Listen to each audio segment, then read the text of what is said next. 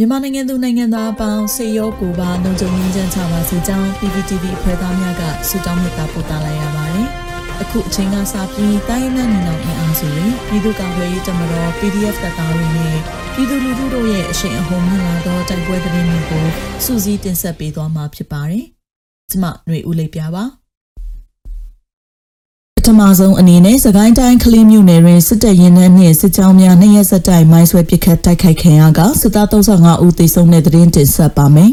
။စကိုင်းတိုင်းကလေးမြို့နယ်တွင်ဧပြီလ10ရက်နေ့နှင့်17ရက်နေ့တို့တွင်အကြမ်းဖက်စစ်ကောင်စီရင်နှန်းနှင့်စစ်ကြောင်းများအကြိမ်ကြိမ်မိုင်းဆွဲပစ်ခတ်တိုက်ခိုက်ခံရကစစ်သား35ဦးထပ်မံသေဆုံးခဲ့ကြောင်း People Defense Force ကလေးတပ်ဖွဲ့ထံမှသိရှိရပါသည်။ကလေးမြို့နယ်ချောင်းခံရွာဘက်သို့ထွက်ခွာလာသည့် စစ်ကားအစီး20ပါရင်နှန်းကိုဧပြီလ10ရက်နေ့မွန်းလွယ်၄နာရီခန့်တွင်ပန်းမွန်ချောင်းတရားအနီး၌ဒေသကာကွယ်ရေးတပ်ဖွဲ့များကမိုင်းဆွဲတိုက်ခိုက်ခဲ့ပြီးညနေ6:30မိနစ်ခန့်တွင်ချောင်းခွာရွာနှင့်နတ်ချောင်းရွာကြားတွင်အကြံဖက်စစ်ကောင်စီတပ်ဖွဲ့များနှင့်ကာကွယ်ရေးတပ်ဖွဲ့များတိုက်ပွဲဖြစ်ပွားခဲ့ကစစ်သား2ဦးသေဆုံးကြောင်းသိရှိရပါသည်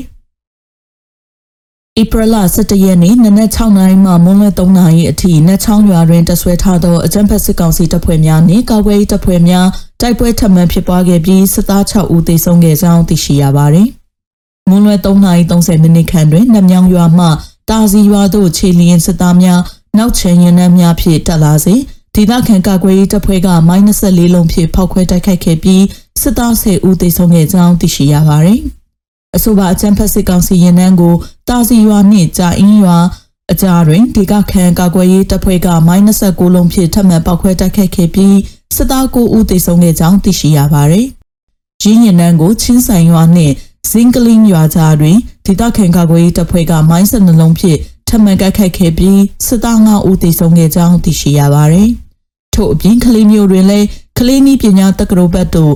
စစ်ကြောင်းထိုးလာသောစစ်သား30ဦးကိုလည်းဧပြီလ17ရက်နေ့နနက်10:00နာရီခန့်တွင်စင်ကလင်းရွာနှင့်ကလေးနီးပညာတက္ကသိုလ်ကြားတွင်ဒေသခံကာကွယ်ရေးတပ်ဖွဲ့ကမိုင်းဆွဲတိုက်ခိုက်ခဲ့ပြီးစစ်သား3ဦးသေဆုံးခဲ့ကရင်းရင်တန်းသည်ကလေးမျိုးတွင်သို့ဝင်ရောက်သွားကြောင်းသိရှိရပါသည်အကြံဖက်စစ်ကောင်စီစစ်ကြောင်းနှင့်ရန်နမ်းများကို PDF ကလေး CNDF CDF KKG နှင့် ပကဖရုကပူးပေါင်းတိုက်ခတ်ခဲ့ခြင်းဖြစ်ပြီးစစ်သား35ဦးထပ်မံတေဆုံးကကာကွယ်ရေးတပ်ဖွဲ့3ဦးထိခိုက်ဒဏ်ရာရရှိခဲ့ကြောင်းသိရှိရပါတယ်ရှင်။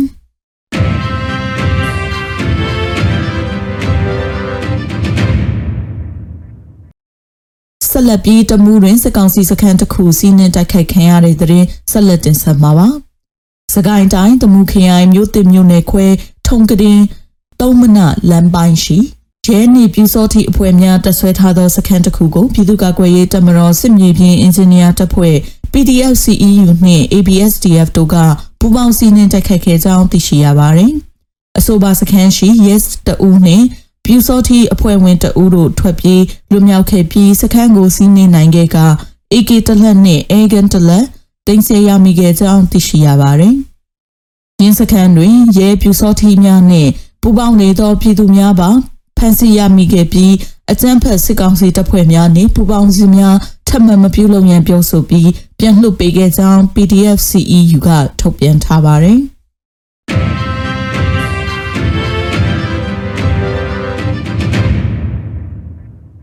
နောက်ဆုံးသတင်းအဖြစ်နထိုးကြီးမြို့နယ်ရွာကြီးကျေးရွာရှိစစ်ကောင်စီညနန်းကိုနထိုးကြီး PDF မိုင်းခွဲတိုက်ခိုက်ခဲ့တဲ့သတင်းတင်ဆက်မှာပါ။ မန္တလေးတိုင်းမြင်းကြံခရိုင်နထိုးကြီးမြို့နယ်ရွာကြီးကျေးရွာအနီးတွင်ယနေ့ဧပြီလ12ရက်နနက်ပိုင်း၌အကြံဖက်စစ်ကောင်စီရင်တစည်းကိုနထိုးကြီးမြို့နယ် PDF ကမိုင်းခွဲတိုက်ခိုက်ခဲ့ပြီးကားတစည်းပျက်စီးကစစ်သားထိခိုက်ဒေဆုံးမှုရှိနိုင်ကြောင်းသတင်းရရှိပါသည်စစ်ကောင်စီတပ်သားထိခိုက်ဒေဆုံးမှုသတင်းကိုအတိမပြုနိုင်သေးကြောင်းနဲ့မိုင်းဆွဲတိုက်ခိုက်ပြီးပြည်သူ့ကာကွယ်ရေးတပ်ဖွဲ့ဝင်များအထိအခိုက်မရှိဆုတ်ခွာနိုင်ခဲ့ကြောင်းသိရှိရပါတယ်ရှင်။